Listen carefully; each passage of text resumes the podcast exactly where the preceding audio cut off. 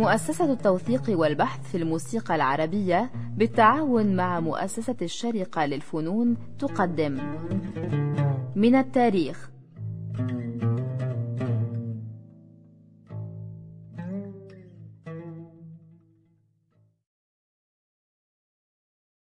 أهلا وسهلا بكم سادة المستمعين في حلقة جديدة من برنامج من التاريخ. نواصل فيها الحديث ويواصله معنا عمنا الأستاذ الدكتور فريدريك لاجرونج عن الست منيرة المهدية.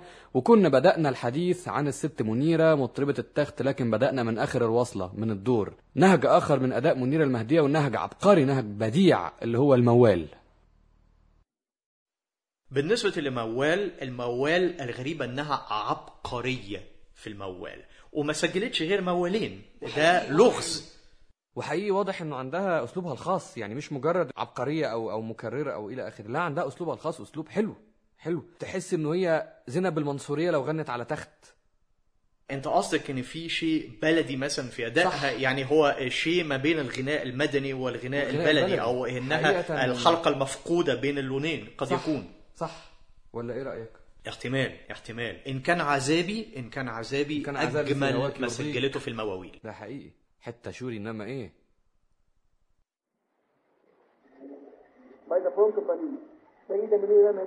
الثاني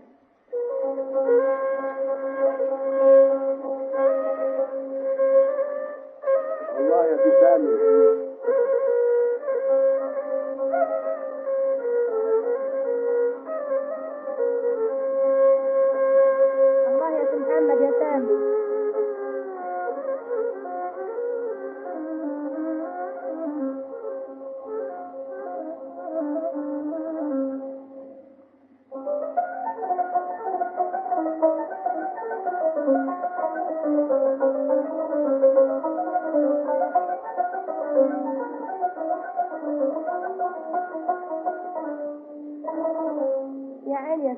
पानी जैसे दे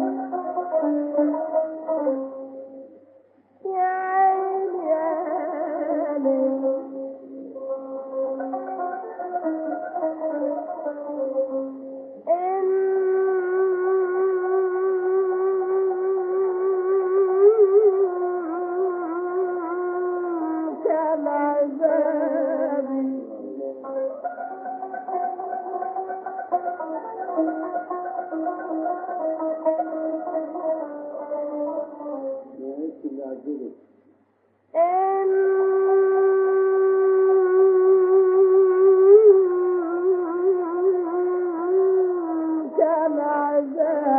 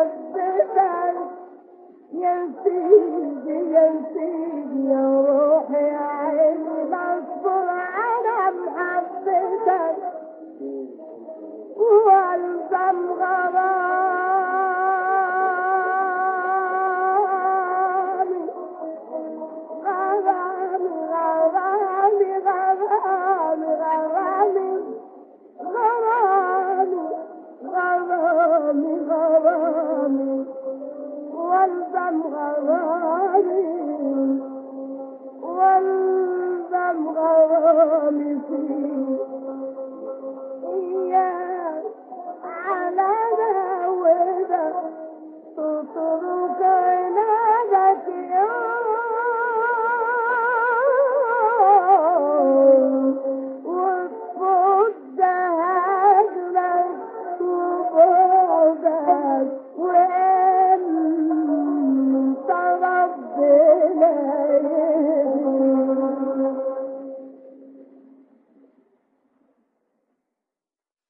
أما التقاطيع فالتقاطيع هي تقاطيع بتختلف عن تقاطيع العوالم التي كانت بتسجلها قبل الحرب العالمية الأولى. يبدو إنه بيضافون احتكرتها بعد الحرب العالمية الأولى بما إنه هي سجلت قبل الحرب العالمية الأولى مع زونوفون وبيكا وأوديون فإذا يبدو إن بيضافون. يا احتكرتها سنة 14 نفسها وبعدين رجعت بيضافون وقفت عن التسجيل ورجعت سجلت من جديد.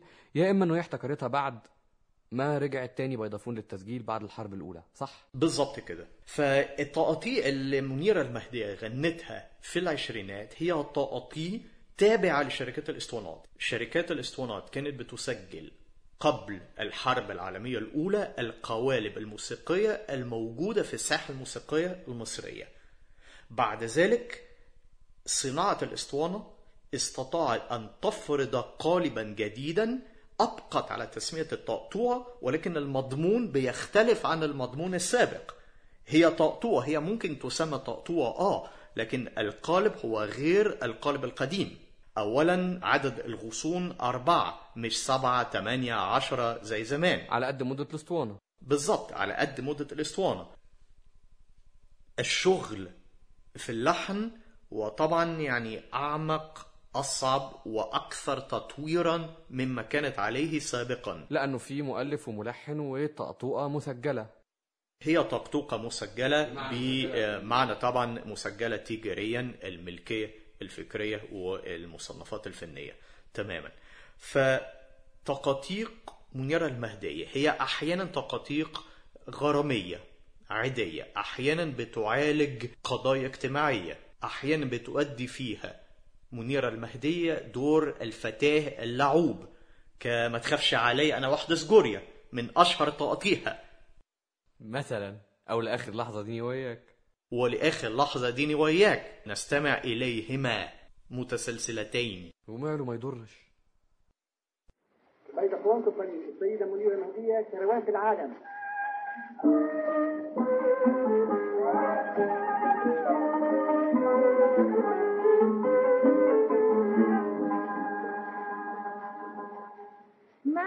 can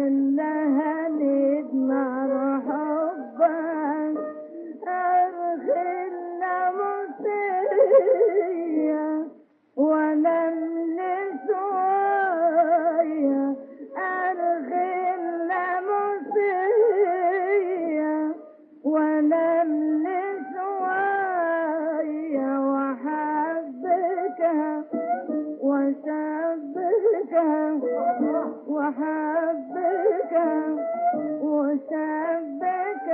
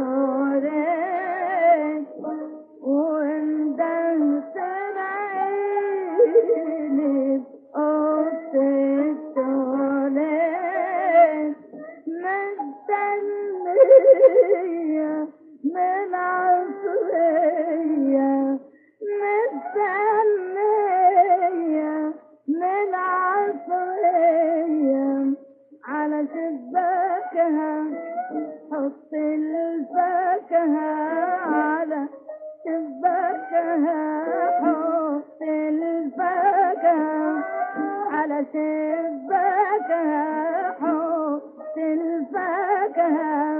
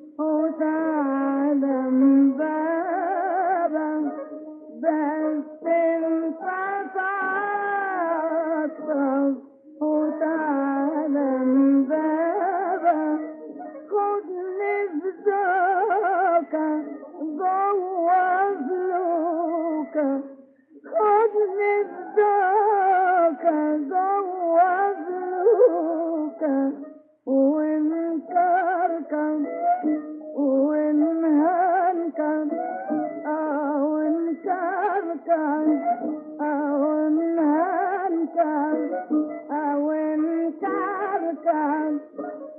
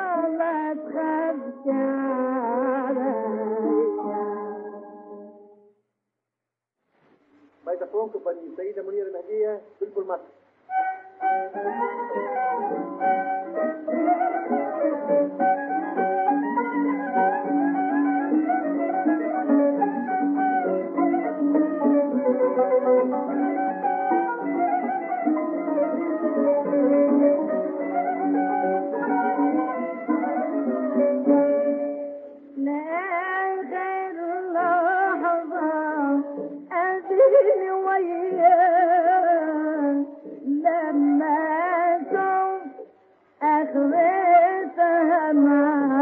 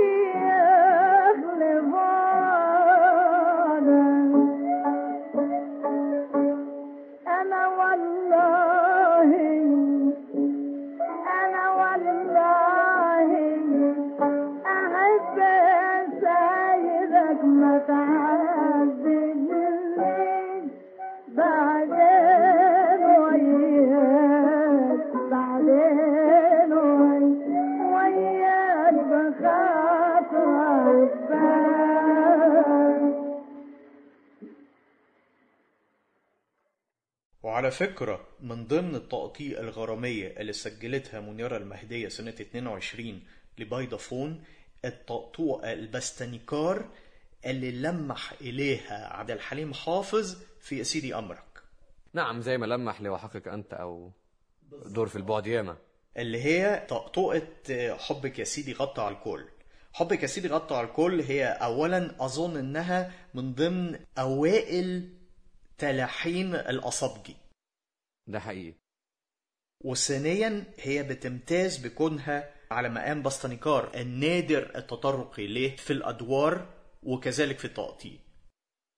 لكن عالجه كويس خالص وهي كمان منيرة. أجادت فيها نعم. واللحن في منتهى الروعة هو اللحن رائع. أنا مش فاهم إزاي عبد الحليم حافظ جاله قلب إنه يعمل كده إنه يسخر المنيرة المهدية. و- وممكن عشان كده الصورة الفوتوغرافية المشهورة اللي بتجمع بين عبد الحليم ومنيرة المهدية ربما راح لها عشان يعتذر لها يعني. أنا متصور كده لأنها هي صورة على فكرة طريفة جدا لأنهم عصرين مختلفين تماما ولونين طورين منفصلان تماما في تاريخ الأغنية العربية. بس صورة مؤثرة بالنسبة لي. أنت عارف إنه معظم الأفلام الغنائية في آخر الأربعينات وصولا إلى منتصف الستينات تقريبا ما فيش فيلم غنائي إلا فيه سخرية من الغناء العربي الفصيح يعني والموسيقى الكلاسيكية العربية إذا جاز التعبير.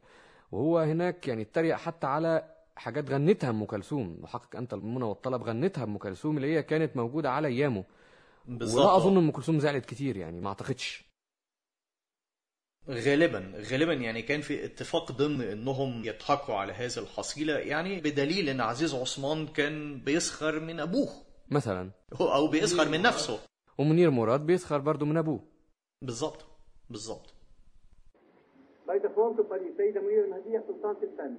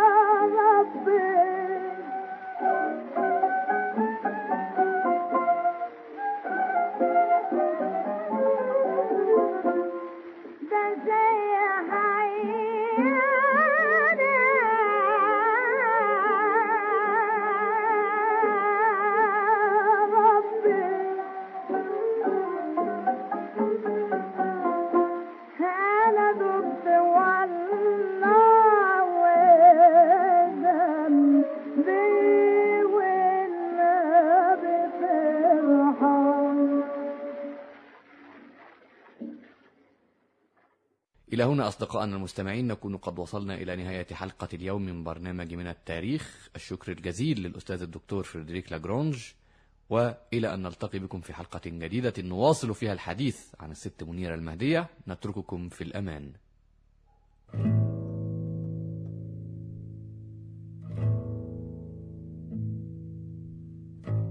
من التاريخ فكرة وإعداد مصطفى سعيد.